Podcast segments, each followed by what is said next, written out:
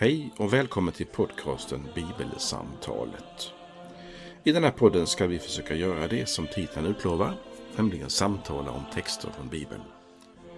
Vår tanke är att varje vecka dela ett samtal om den text från något av evangelierna i Nya Testamentet som är särskilt aktuell den kommande söndagen.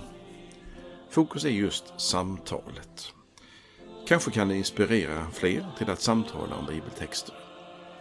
Välkommen att vara med i samtalet på något sätt. Vi som gör den här podden det är Fredrik Borglin, kommunister i Istorps pastorat och Karl Magnus Adrian, präst bland annat tidigare i just Istorps pastorat. Välkommen att vara med. Nu samlas vi inför texten eller texterna på påskdagen. Kristus är uppstånden som är temat denna söndag. Och jag ska läsa evangelietexten som är från Johannes evangeliets 20 kapitel. Tidigt på morgonen efter sabbaten, medan det ännu var mörkt, kom Maria från Magdala ut till graven och fick se att stenen för ingången var borta. Hon sprang genast därifrån och kom och sa till Simon Petrus och den andra lärjungen, den som Jesus älskade. De har flyttat bort Herren ur graven och vi vet inte vart de har lagt honom. Petrus och de den andra lärjungen begav sig då till graven. De sprang båda två, men den andra lärjungen sprang fortare än Petrus och kom först fram till graven. Han lutade sig in och såg linnebindlarna ligga där, men gick inte in. Simon Petrus kom strax därefter och han gick in i graven. Han såg bindlarna ligga där, liksom duken som hade täckt huvudet, men den låg inte tillsammans med bindlarna utan hoprullad på ett ställe för sig. Då gick också den andra lärjungen in, han som hade kommit först till graven, och han såg och trodde. Ännu hade de nämligen inte förstått skriftens ord, att han måste uppstå från de döda. Lärjungarna gick sedan hem igen. Men Maria stod och grät utanför graven. Gråtande lutade hon sig in och fick då se två änglar i vita kläder sitta där Jesus kropp hade legat, en vid huvudet och en vid fötterna. Och de sa till henne, Varför gråter du, kvinna? Hon svarade, De har flyttat bort min herre och jag vet inte var de har lagt honom. När hon hade sagt det vände hon sig om och såg Jesus stå där men hon förstod inte att det var han. Jesus sa till henne, Varför gråter du kvinna? Vem letar du efter? Hon trodde det var trädgårdsvakten och svarade, Om det är du som har burit bort honom, Herre, så säg mig var du har lagt honom, så att jag kan hämta honom. Jesus sa till henne, Maria. Hon vände sig om och sa till honom, Rabuni. Det hebreiska betyder mästare. Jesus sa, rör inte vid mig, jag har ännu inte stigit upp till min fader. Gå till mina bröder och säg dem att jag stiger upp till min fader och er fader, min Gud och er Gud. Maria från Magdala gick då till lärjungarna och talade om för dem att hon hade sett Herren och att han hade sagt detta till henne. Så lyder det heliga evangeliet. Lovad vare du, Kristus. Ja, jag tänkte väl att eh, med min lilla ingress så vill jag, eh, ska man säga, ange samtalets riktning. Och sen får min kära vän pastorn hitta på andra lösningar om man vill. Men det finns ju i den här texten en berättelse. Och jag är ju ganska fäst vid berättelser som åtminstone du vet. Mm, mm. Alltså att vara närvarande i det som berättas. Och sen ana att det i det som berättas finns någonting mer som också texten antyder. Men det som först kan noteras är att innan påskdagen, det vill säga det som händer på, på fredagen, mm. så är Jesus verkligen död mm. och begraven. Mm. Alltså det är ingen skendöd, utan han är verkligen begraven. Och det intygar också den romerska gruppen av soldater som är där. Och där är säkert många, enligt ryktet, så är det tre soldater per, per korsfäst minst. Mm. Som är närvarande plus någon chef så de är väl en tio stycken i alla fall. Och så är det Jesu fiende. Och så intygar de på något sätt att han är död. Och det gör ju också de som sen eh, tillåter att kroppen tas ner från korset och blir begravd i Josef från Arimatheas grav. Mm. Och där, det är ju fredagens ska jag säga, sluthändelse i Jesu begravning. Och det är klockan strax före sex. Och så vet vi inte mycket mer, mer än att eh, det måste varit en smärtsam dag. Eh, så att säga igår för lärjungarna. Mm. Han är död och vi vet inte vad som har hänt. Mer än så. Och Petrus är väl speciellt ledsen som har förrått honom. Mm. Eller förnekat honom. Eh, och så kommer då påskdagens morgon där vi är nu. Och då är det kvinnorna. De har ofta en framträdande roll.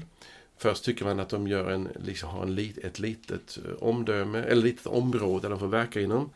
Men, men eh, de är viktiga och de är också namngivna av och till. Ett antal Marior. Och nu kommer för Mari- Maria från Magdala, som vi har mött tidigare i evangelierna. Mm.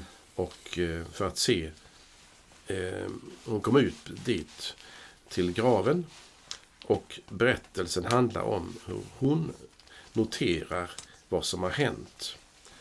Och eh, hon ser då att stenen är borta. Så mycket vet hon, så mycket ser hon. Eh, och om vi börjar där. Alltså det är någonting som man registrerar. Eh, och jag mm, vill måla upp en bild som vanligt. Mm. Eh, alltså lärjungarna är inne i stan Mm. någonstans eller utanför stan. De- har väl gett upp. En del har nog redan packat sin ryggsäck och är på väg därifrån. De lämnar Jerusalem. Det vet vi från annandagens berättelser med de som vandrar till Emmaus. De vill liksom komma därifrån. Eh, några är nog på väg till Galileen, tillbaka till sina fisknät. De planerar i alla fall det. Eh, och så Maria, den här Maria. Och några andra Marior som inte är nämnda här, som ska dit för att avsluta den här begravningshedrande handlingen med balsamolja och sådär. Men Maria i vår text idag, hon helt enkelt vill gå dit. Vi ska tänka, hon vill sörja vid en grav. Det, det är underförstått. Och så kommer hon dit och så är stenen bortrullad. Alltså det är mäkta stort. Det vet vi. Vad gör hon? Eh, hon sticker därifrån och tillbaka igen och letar upp x antal lärjungar, i alla fall Johannes och Petrus. Och berättar för dem vad som har hänt. Och det här tycker jag om av följande anledning. Eh, innan man förstår allt vad som har hänt så är det någonting som man kanske anar eller vet om eller erfar. Jag vet inte mer än att graven är tom. Eller att stenen är bortrullad. Och det ska jag berätta. Eh, Det är väldigt, alltså det är, ska man säga, det talar till mig om att det är en, alltså en autentisk berättelse. Är det inte autentiskt så ska det första vittnet, det vill säga Maria nu, gå in i stan så ska hon hålla en predikan om uppståndelsens poäng. Jesus är uppstånden och därför har vi evigt liv och den som tror på Jesus ska leva alltid. Det är ingen predikan. Utan hon bara berättar en enda händelse. Och det menar jag är en poäng också i det kristna budskapet. Vad ska vi berätta? Eh, Du minns säkert berättelsen om han som blev botad. Han varit sjuk i 38 år.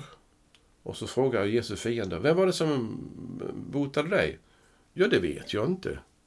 Alltså man vet inte mer än det man vet. Och Man behöver inte heller berätta mer än det man vet. Nej. Därför att det sätter igång andra som möjligen blir intresserade. Och nu berättar hon det lilla hon vet. Stenen är borta och det, tyck, det ser ut som att graven är tom. Det står det inte. Men det vet vi sen. Och så berättar hon det. Och Johannes och Petrus springer ut. Och då vet vi en sak. Johannes är smäckrare. Mm, Han är smalare. Ja. Petrus hänger inte med riktigt. Ja. Och den andra, Jesus, eh, den här lärjungen som, Jesus, som Johannes pratar väldigt diskret om, det är ju han själv. Har vi förstått. ja. Ja. Så långt vill jag Ja. inleda med. Roligt. Jag, jag tänker på detta, eh, alltså... Eh, man kan fundera så här. När vi pratade om palmsöndagen då, förra avsnittet, så... Eh, så, vet, så sa vi bland annat så här att men det var väldigt spänd stämning i, inför, inför påskhögtiden. Den här sista veckan med Jesus. Och mång, massa. Stan kanske blir, får fem gånger så många invånare till exempel. Och Så här. Spänt, eh, mer än spännande. Eh, kan man säga, vad är känslan nu idag?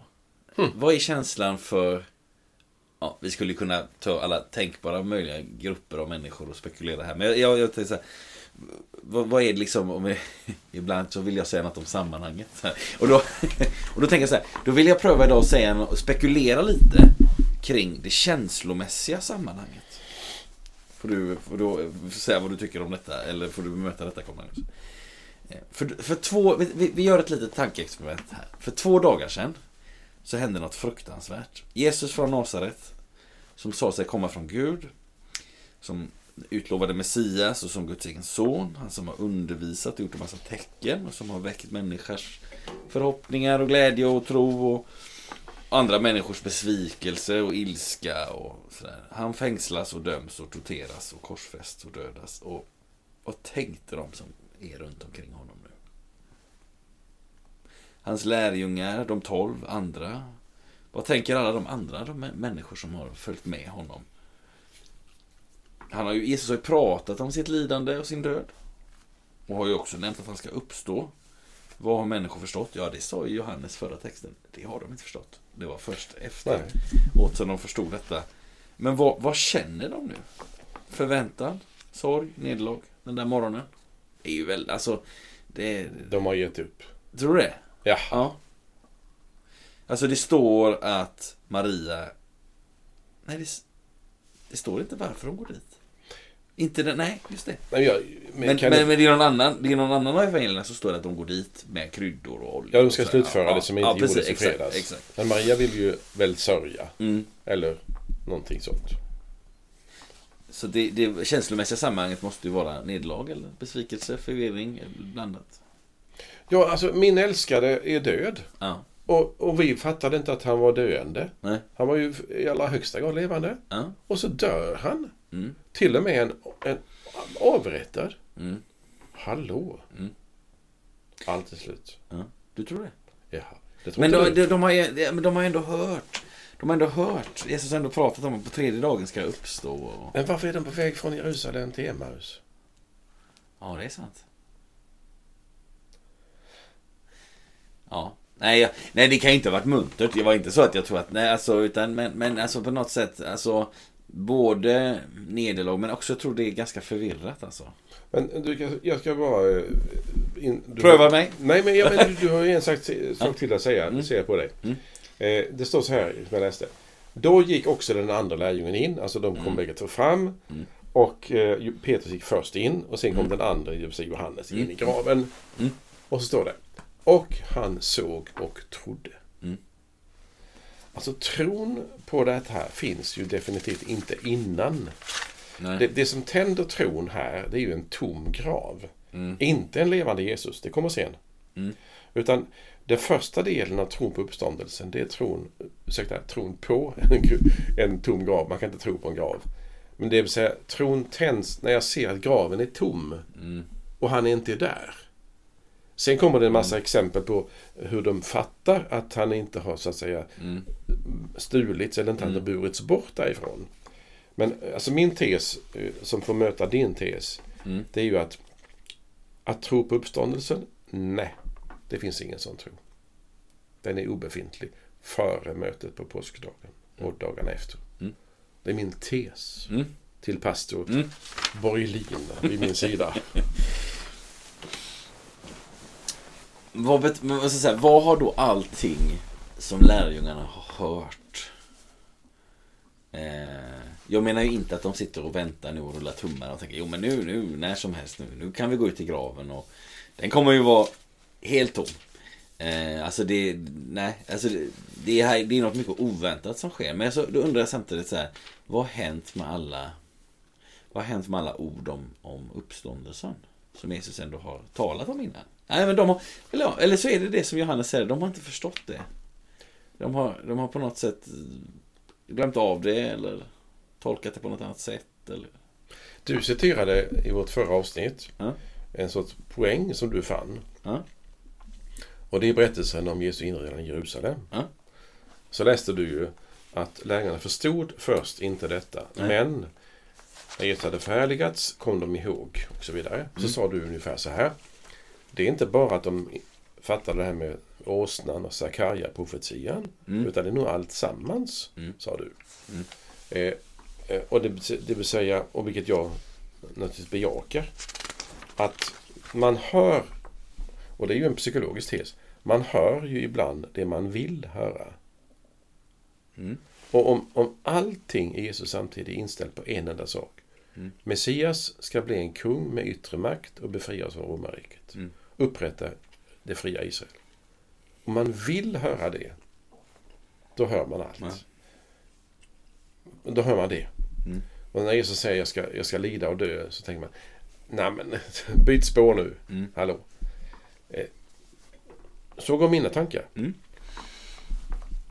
är Men- klart att... Eh, Du, mm, nej men jag, eh, om, om det då är så att eh, orden som du just citerade från förra avsnittet att Nej men eh, det var inte bara åsnan, det var inte bara Sakarja-profetian som, som de inte, utan det var liksom det, det var allt sammans. Då kunde man ju tänka så här att de, ännu hade de nämligen inte förstått skriftens ord att han måste uppstå från de döda. Så står det i texten idag. mm, Och då är det så att säga, då, då, då får vi stryka under att det är ju kanske ingen nyhet för någon. Men då får man stryka under att nej, men då är inte liksom inte uppståndelsen eh, en, en eh, intressant och- men, men exotisk detalj utan det är själva, så att säga, det är själva grundbulten i den kristna tron. Och det kan Paulus säga flera tillfällen att ja, men om inte Kristus uppstått då är det här bara då är det ju våran tro är tom. Det är meningslöst liksom. Det finns ingen anledning att eh, och det är klart att det, då, då betyder det att nej, men det var inte bara en liten nyckel de saknade till ett litet till en liten vedbord. Liksom, utan de saknade liksom själva huvudnyckeln till att komma in i alla rum. Ja. Som Jesus genom sin undervisning har visat dem. ja.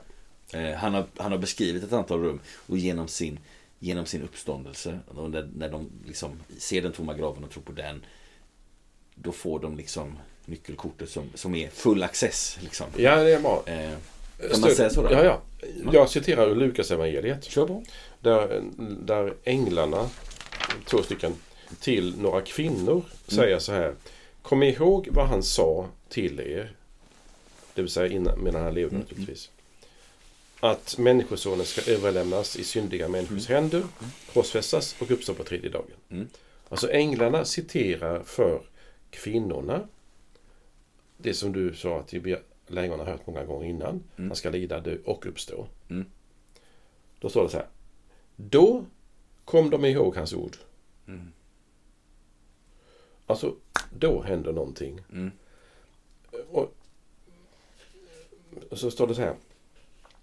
Även de andra kvinnorna i deras sällskap talade om detta för apostlarna som inte var närvarande. Var kvinnorna vid graven. Mm.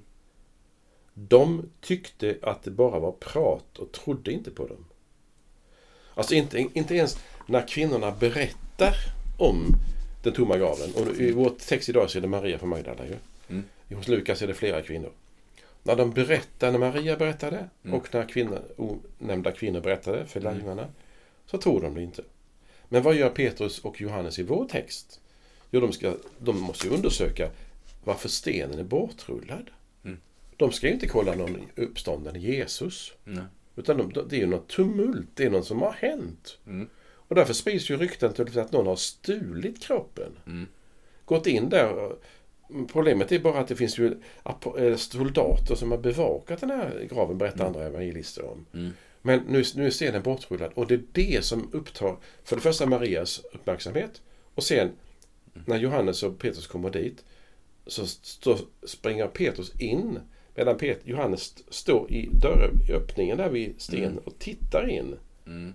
Och så ska de kolla om han ligger där inne och då gör han inte det. Mm. Så att det är uppenbart för mig i alla fall att det är den tomma graven som är den första poängen i berättelsen.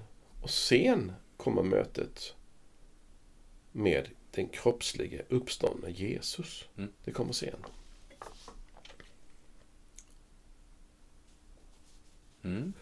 Det vill säga, den första kristna bekännelsen, när vi hälsar varandra ibland på påskdagen, Kristus är uppstånden. Mm. Ja, han är sannerligen uppstånden. Mm. Vi skulle kunna, och nu, jag menar inte att vi ska göra det jag nu säger, men Nej. man skulle kunna starta då och säga Graven är tom. Ja, graven är tom.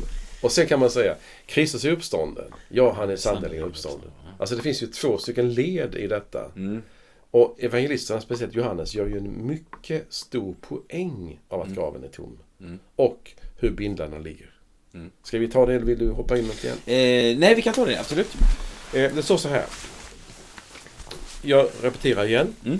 Alltså Petrus och Johannes har sprungit till graven. Mm. Eh, Petrus kommer sist, men han går först in. Mm. Vi lär känna Johannes personlighet en aning, gör vi inte det? Mm. Jag vet inte om du och jag, vem vi är av de här två. Mm. Vem skulle kutat in direkt av, av dig och mig? Du eller jag? Jag vet inte. Nej, vi behöver inte, det är ingen viktig fråga för, Nej, nej, för nej, men, nej, nej, men, det, men det, är, det är intressant för det, jag håller med det säger någonting om, det säger också någonting tror jag, om Johannes att han, han också berättar att han kom först. Ja. Det är det roligt. Men han, ger sig inte, han säger inte vem han är. Nej det, nej, det gör han inte, det är sant. Det är sant. Och han avvaktar. Alltså, Mm. För mig är det lika som att han vill kolla läget. Mm. Och det gör han ju i evangelien också. Han Ja. begrundar ju, som Maria, han begrundar väldigt mycket. Petrus han är ju snabb som bara den. I pratet och i, när han väl kommer fram så går han in. Andfådd gissar jag att han är. Mm. Han har inte så bra kondis. Nej. Och när han kommer in där så står det så här. De sprang bägge två, men den andra lärjungen sprang fortare än Petrus och kom först fram till graven. Om Johannes står det. Han lutade sig in och såg bind, linnebindlarna ligga där, men gick inte in. Mm. Simon Petrus kom strax efter och han gick in. Mm. Så att, nu ska jag göra något som är onödigt. Jag tycker det är kul ändå. Alltså, på tröskeln där, jag kallar det för tröskel till graven, det är ingen tröskel. Mm. Det är väl en liten ränna kanske där, där stenen har rullats fram. Just det, i spår. Ja, så vänder han sig in. Mm. Och så ser han då. Och det intressanta med det han ser, det är att linnebindlarna, de som kroppen var virad omkring, som Mm. en kokong, ligger där. Men duken som täckte huvudet. Alltså först slår man eh, den döda kroppen på en, en duk. Mm. Man la alltså huvudet på den ena ändan av duken. Så vek man den över huvudet, Mm. över ansiktet. Och sen virade man in resten av kroppen med bindlarna. Verkar det som. Och de låg var för sig. Alltså någon har helt enkelt ska vi säga, lindat upp eller av bindlarna och lagt dem för sig och tagit huvudbindeln och lagt den för sig. Detta observerar Johannes när han tittar in på Petrus. Och då ser de ju att det finns någonting som gör att de omedelbart eh, förflyttas från punkten 1 närmare punkten 2. Punkten 1 är bekännelsen graven är tom. Mm. Och punkt 2 är Kristus uppstånden. Men de är inte där än. Men graven är tom och vi har sett att bindlarna ligger på ett ställe, på ett sätt som är högst märkligt.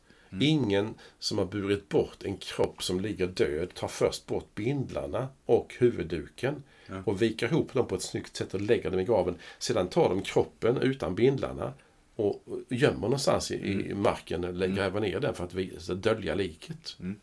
Så gör ingen. Och därför så börjar de ana. Och därför står det, tror jag, men det är min tes som du märker. Eh, när de har gått in bägge två. Så står det, och han såg och trodde. Alltså då, då ser Johannes, det är inte bara att graven är tom, utan att bindlarna vi- visar ett tydligt bevis på att, aha, han lever. Det vill säga, jag är snart beredd på att möta Jesus kroppsligen också. Mm. Men det, där är vi ju inte än. Nej. Vi, vi kommer inte till det sen. Men det är vi inte än. Nej. Utan graven är tom och bindlarna ligger på ett sätt som visar att ingen har burit bort kroppen. Och när, och när Johannes berättar om detta, alltså han, det, blir, det blir väldigt ingående. De springer dit, eh, den ena kommer först, eh, men går inte in. Den andra går in. Alltså det finns ju någonting här också som, där det handlar om att utgångspunkten blir att ja, men det här är ju det här är världshistoriens mest avgörande vändning. Ja, Mest dramatiska vändning. det kan man lugnt säga. Eh, för, och då kan vi liksom, vi kan börja med, eller vi kan återgå dit där vi var för en stund sedan och tänka på liksom, ja men den sorgen, nederlaget, förvirringen, vad vi nu väljer att kalla det. Som vi tror att eh, de närmsta to- tolv och andra lärjungar, också kvinnorna och så, vad de kände. Ehm, ehm, så det, det, är det här, det är, en, det är en så avgörande dramatisk vändning. Och då kan man tänka så här, det är... Vi skulle kunna uppfatta det som Johannes skriver som att Ja men det var lite onödiga detaljer. Var, var, det, vikt, var det liksom viktigt eh, att vem som kom först liksom? Eller det, det är lite sådär, är det, är det två, två eh, tonårspojkar som är bröder? Är det deras rivalitet? Så här, ja, nu ska minsann folk få reda på vem som är snabbast av oss två liksom. Eh, så, nej, för jag tror, att, jag tror att det är viktigt för Johannes för att Alltså när han, när han skriver detta ganska långt senare eh, och, och har sett liksom hur långt har Jesusrörelsen, kyrkan kommit och han förstår ju hur han, alltså han, han kan ju själv ehm, på något sätt, han förstår ju själv att hur, hur viktigt det här är. Och det har han kommenterat också. Då förstod vi inte, men nu anar jag han, nu anar jag hur viktigt detta är, eller nu förstår jag hur viktigt detta är. Och då blir det också viktigt för honom att vara liksom sann med alla detaljer som han har tillgång till. Nej men, nej, men jag, jag visst, jag kom först, om, men nu tänker jag att han ska säga. Men jag såg inte, jag, men det var Petrus som, som faktiskt gick in. Mm. Eh, alltså det, det, är inte oviktigt. Alltså, jag menar, om du och jag skulle kallas som vittnen i en rättegång och, och vi har sett saker så, jaha Fredrik, men var det du kom först i graven? Eller du kom först till, till den här platsen då, där det här mm. hände. Ja, ja. Ja, och då gick du in. Nej, nej, nej, jag, jag kom först, men sen gick Karl Magnus faktiskt först in. Mm. Eh, så att, det, liksom, att det, det, är faktiskt viktigt mm. för att fastställa vad, vad, vad, är det som har hänt här. Ja. Eh. Och man kan tycka att om det här bara är liksom påhittat, varför ska du berätta såna, en sån detalj som är totalt onödig när mm. du ska hitta på en historia? Jag menar, mm. tänk om allting bara är en saga. Mm. Du hittar inte på en sån grej. Nej. Jag kan inte tänka mig att någon gör det. Nej. Lägger tid på att fundera på vem som kommer först till graven. Mm. Men där finns ju en poäng mellan de här två lägena. Förlåt, nej, nej, det gjorde du inte. Ja. Eh, det som kommer här näst efter det mm. lockar mig också. Nämligen att eh, när, när Petrus går först in, Johannes avvaktar. Sen går Johannes in. Och då står det att han såg och trodde. Mm. Vad är det han ser och tror? Mm. Det förklarar Johannes. Mm. Ja. Nu tänker jag avslöja det. Det, det står i texten så det är inte mina påhitt alls. För det första ser han ju bindlarna. Mm. Och det är någonting som ögat noterar. Mm. Eh, alltså, tron är grundad också så att vi genom våra sinnen mm. kan tydliggöra någonting av tron. Mm. Alltså, Gud har blivit historia. Gud har blivit kommit hit. Mm. Man kan avläsa när det har inträffat. Pilatus är landshövding. Mm. Kajafas är präst. Du kan ungefärligen placera detta i tid. Det, det är en, alltså en händelse. Mm. Det är inte någon sorts äh, metafysisk äh, sak uppe i molnen. Mm. Det händer här på jorden. Mm. Äh, det vill säga ögonen kan se någonting med bindlarna. Och därför så när han ser det så är det någonting som klickar till. Alltså det är en polett som faller ner. Mm. Men det finns en polett till som faller ner i meningen efter. Mm. Där det står så här. Ännu hade de inte, nämligen inte förstått skriftens ord om att han måste uppstå från de döda. Lärjungarna gick sedan hem igen. Det vill säga nu förstår de det som de hade hört innan. Mm. Jesus hänvisar ju i sin undervisning ibland till att han ska lida och dö enligt skrifterna, står mm. det. Och det är det som de inte har fattat ju innan Jesus själv dör och uppstår. Men nu så ser Johannes, ja, bindlarna ligger på ett märkligt sätt. Aha! Och sen för det andra, nu förstår jag, eller tror jag skrifterna. Aha! Det har Jesus sagt. Alltså skrifterna går i uppfyllelse. Och, och det tycker jag leder mig till följande, ska vi kalla det för teologiska slutsats. Erfarenhet och skriften. Mm -hmm. Mina nyckelord. Mm. Jag ska kort utlägga dem. Du kan gärna mm. reagera på detta. Alltså, vi har ett ord. Vi har ord. Vi har text. Mm. Nu är texten och ordet ju inte det första, utan det är händelsen som kommer först. Mm. Sen kommer berättelsen om händelsen. Mm. Och sen kommer texten. Mm. Den ordningen.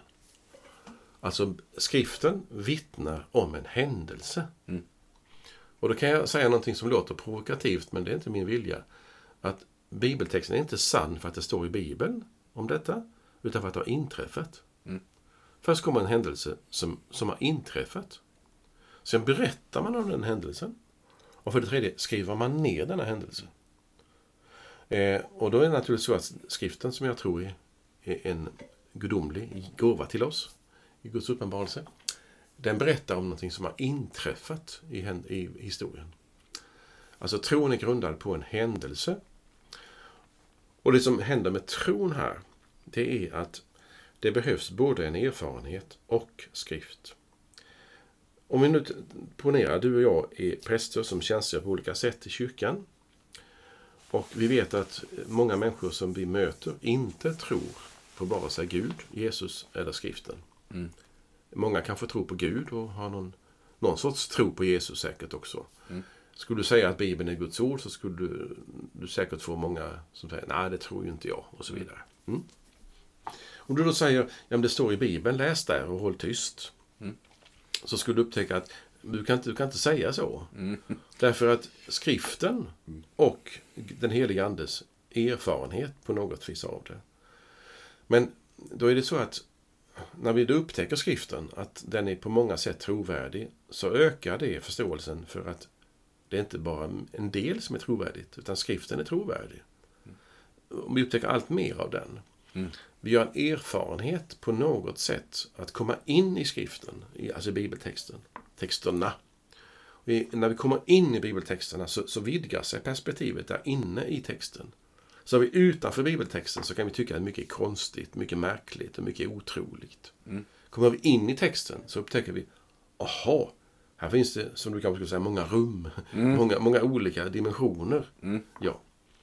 Och det är på något sätt så att eh, tron måste bli oss given. Mm. Alltså Guds ord väcker tron hos mig. Mm. Så att du skulle kunna säga, jag tror. Mm. Inte, det är trovärdigt. Nej, utan jag tror. Mm. Men det är inte bara, det är inte bara, det är inte bara subjektivt. Nej, du känner att du tror på allt. Nej. Utan skriften talar ju om någonting mm. som du kan tycka mer eller mindre svårt. Mm.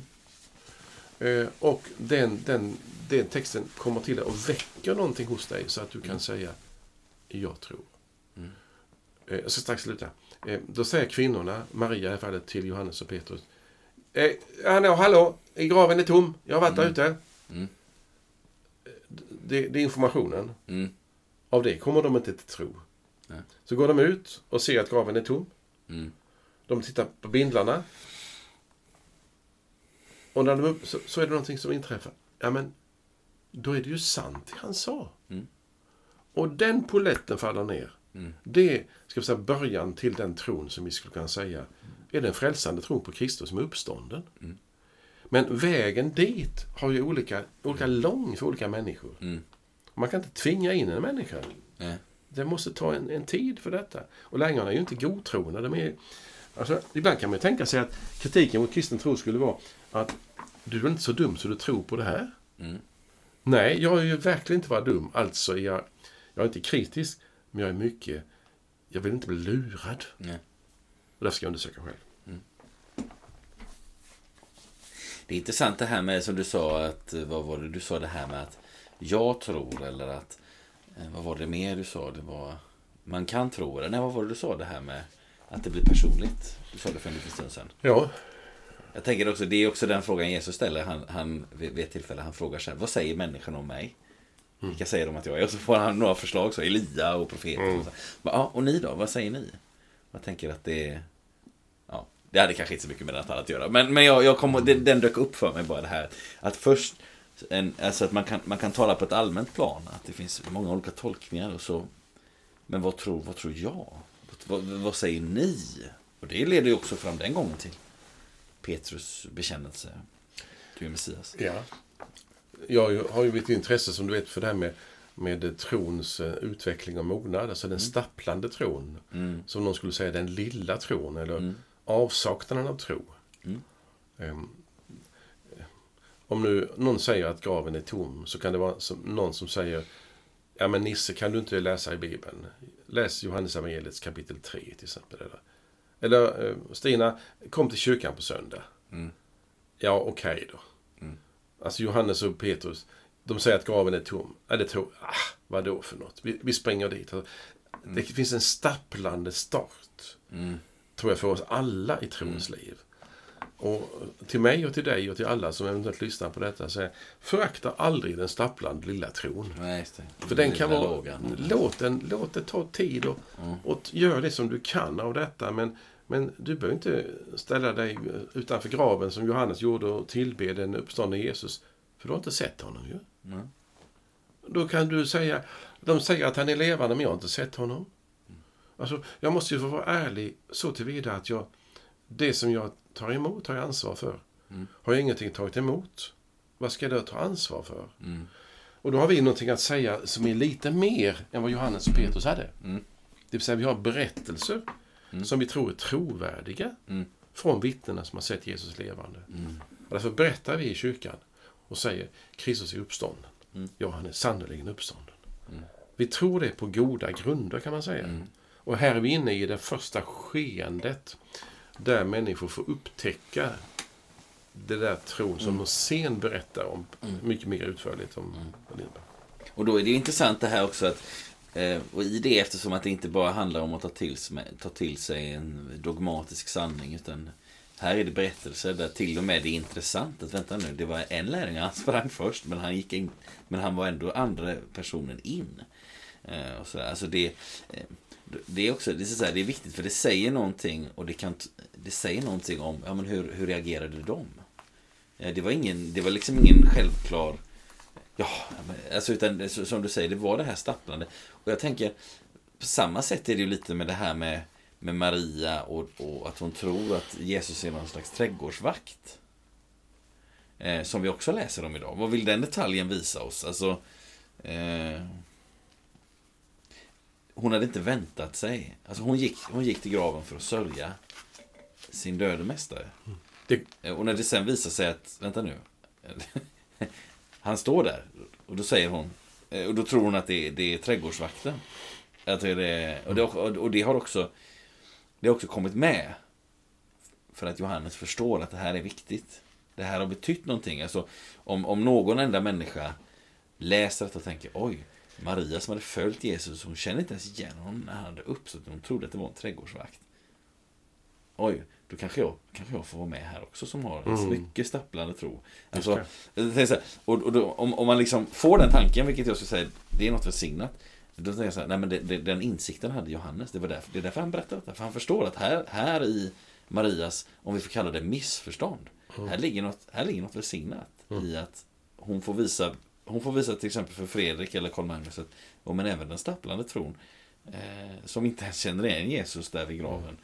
Eh, någonstans handlar det om, nej men hon hade inte förväntat sig det. Alltså hade jag suttit här i det här rummet där vi är nu och så tittar jag ut i Karl Magnus trädgård och så ser jag dig Karl Magnus gå här. Ja, inte minsta konstigt, det är ju din trädgård. Men om jag åker till en öde ö och sitter och filosoferar och så bara, vänta nu. Ror någon, ror någon en båt här ute på, på, på, på havet här? Ja. Oj, det var visst Karl Magnus. Det hade jag inte alls förväntat mig. Nej. Eh, För att, för att, nej men hon hade inte förväntat sig detta. nej, nej, nej. Eh, nej. Det var som att, att träffa en kär vän ut, ute på en öde. Den, nej, alltså och, och, och, det, och det säger också någonting om det här som vi var i för en ganska bra stund sedan. Det vill säga, vad, vad kände lärjungarna? Vad kände de närmsta? Mm. Eh, Och här får, förlåt, nej, här får vi ett svart på vitt av det som eh, jag kanske, eller du sa för en stund sedan att vad är Maria ärende in? Eh, När hon går till graven först. mm, Eh, Och det står bara att hon vänder när hon ser att stenen är borta. Mm. Men nu när Petrus och Johannes har varit inne och vänt. Så står det. Men Maria stod och grät utanför graven. Hon har alltså så att det kommit kanske efter Petrus och Johannes. Mm. Hon var ju, först var hon i graven. Ja. Sen sprang hon in till stan Mm. och informerade de Mm. två. Och så springer de ut. Mm. Och då går hon. Gissar vi. Så hon Mm. kommer lite efter. Mm. Eh, och då när hon står där så verkar det som om lärjungarna har gått därifrån. Mm. För det står i meningen innan att lärjungarna gick sen hem. Mm. Och då, hon, då har hon kommit tillbaka till graven. Mm. Tittar in och för att hon, hon gråter. Hon ska sörja. Mm. Alltså, för henne är gra, den tomma graven också tom på Jesus på något vis. I betydelsen att Mm. han finns inte längre. De har burit bort honom. Ja, den, den teorin kommer ju fram Mm. så småningom. Eh, de har flyttat min herre, säger hon till trädgårdsmästaren eller trädgårdsvakten. Och sen eh, så till slut i samtalet så avslutas ju det med ungefär att eh, Vem är du? Har du gjort det här så säg vem du är, säger Maria. Och då svarar den här mannen som visar sig vara Jesus, Maria. Och då känner hon igen hans tilltal. Alltså det är någonting i Jesus som blir igenkänt. Jag tror att det står att fåren känner herden, står det i, i Johannes 10. Alltså, Mm. På något vis så känner Maria igen Jesu röst. Mm. Och det kan också en lärjunge göra idag. Mm. Alltså Jesus, man, man kan säga till exempel så här, eh, så här har jag lärt känna Jesus, skulle man kunna säga som ett kristet vittnesbörd ibland. Mm. Jag har lärt känna Jesus på följande sätt, eller på det sättet. Och då så står det efter detta att Jesus säger, ja, stopp Maria. Eh, ta inte i mig, rör mig inte. Men gå och berätta för mina bröder, det vill säga för lärjungarna. Mm. Och säg dem att jag stiger upp till min fader och er, er fader, min Gud och er Gud. Och då gick hon därifrån och berättade för lärjungarna vad hon hade sett och hört. Eh, alltså någonting har hänt med henne som gör att hon blir ett av de första vittnena. Hon är kanske det första vittnet ihop med ett x antal kvinnor om den tomma graven och så småningom också om den levande kroppen, Jesus, alltså Jesus som levande. Eh, Och det är det som vi bevittnar i textens avslutning, att Maria har fått möta den uppståndne. Hon är väl först av alla att få se honom och prata med honom och möta honom som den uppståndne. Ja. Eh, Du sitter inte och kläcker på en idé då? Nej, nej. nej då tar jag en. Eh, Det som jag vill ta innan jag tar det här med Marias, eh, liksom, kan du kalla för hennes uppdrag eller någonting sånt. Mm. Mm. Eller kallelse eller vad hon gör för någonting. Mm. Mm. Det är att det finns ett ord som jag har lite fäst vid, som du vet. Och det är omvändelse och omprövning. Just det. Eh, eh, där Gud själv i sin eh, suveräna pedagogik. Jag menar, säger jag, ber jag Herre led mig, så tror jag att Gud också leder mig. Mm. Säger jag hjälp mig, så tror jag att Gud på något vis hjälper mig. Mm. Så tror jag. Men hur Gud leder mig och hur han hjälper mig, det vet jag inte. Eh, Därför tror jag att det finns någon sorts em, beredskap till att ständigt få upptäcka någonting både nytt och någonting annorlunda Mm. i livet som är en del att få vara lärjunge. Jag får lov att vara lärjunge till Jesus. Där jag får ska jag säga, upptäcka nytt, inte bara lära mig nytt i betydelsen undervisning. Nej. Men jag får upptäcka någonting nytt. Och här är det ju uppenbarligen så att, eh, du sa det på ett bra sätt nyss, att vad sa du för någonting? Att allt vad lärjungarna trott på, någonting sånt, blev liksom förändrat. Och så hade du en, en ordningstveksamhet. Är det verkligen så att de har fått inte fattade någonting innan? Är det så att allt blir omprövat för dem? Och det var min lilla tes, för att vara kategorisk ett ögonblick. Ja. ja. Allting får de liksom lära om. Ja.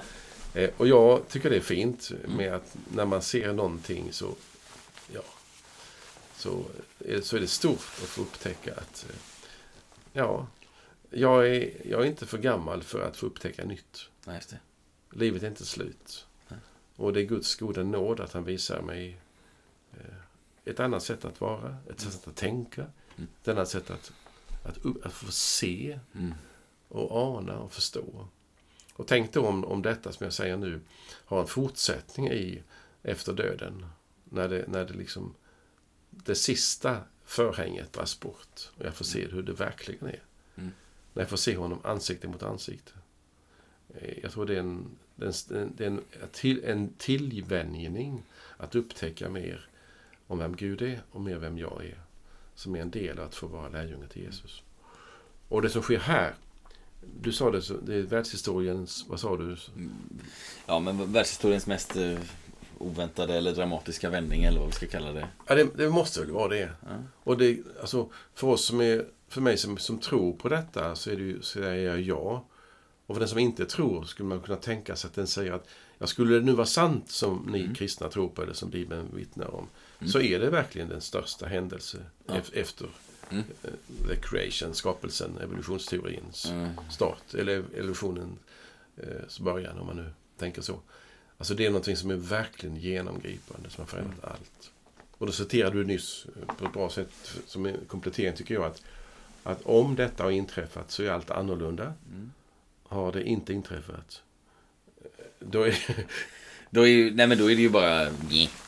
ja, då är det inte mycket med. Nej, nej. Nej. men då, nej för, då, för, då tror jag inte det är så. Det, då är, det är ju Paul, det är Paulus tydlig, eller så uppfattar jag det här när Paulus säger att vår tro är tom och den är meningslös och förkunnelse är meningslös. Det vill säga, nej men alltså antingen har Jesus uppstått och då är detta livsavgörande och någonting som alla människor måste få veta. Eller så är det här eh, i bästa fall bara något påhitt. Ja. Som eventuellt kan innehålla lite trevlig etisk undervisning. Men som vi inte behöver, men som vi inte ska befatta oss med och definitivt inte bygga våra liv på. Nej, nej, nej. Eh, utan livet måste byggas på den tomma graven. Min, min slutreplik, eller sluttes eller idé kring det här med texten idag, det är att Marias uppdrag, det är också kallelse till oss. Mm. Eh, alltså berätta, graven är tom, Jesus lever. Mm. Eh, i, I tron att den jag berättar för får göra erfarenheterna. Mm. Alltså jag kan inte skriva på näsan hur personen ska erfara, upptäcka, uppleva detta som jag berättar. Jag kan berätta det. Därför finns det en befriande saklighet i det kristna budskapet. Mm. Det handlar inte om att, att med gråtande röst säga du måste tro på Jesus, annars så. Nej, jag berättar det sakliga i tron på att Guds ande kan ge, ge någonting till en annan människa också. Mm. Men jag kan inte ha koll på det. Jag kan inte befalla över detta. Nej. Det kan jag inte. Maria berättar för två lärjungar som springer ut och tror att det är någon som har stulit kroppen. Mm. Eh, och sen kommer hon dit själv och ska gråta en stund. Och så möter hon Jesus som hon inte tror på är levande. Mm. Och så visar sig Jesus levande. Vad gör hon då?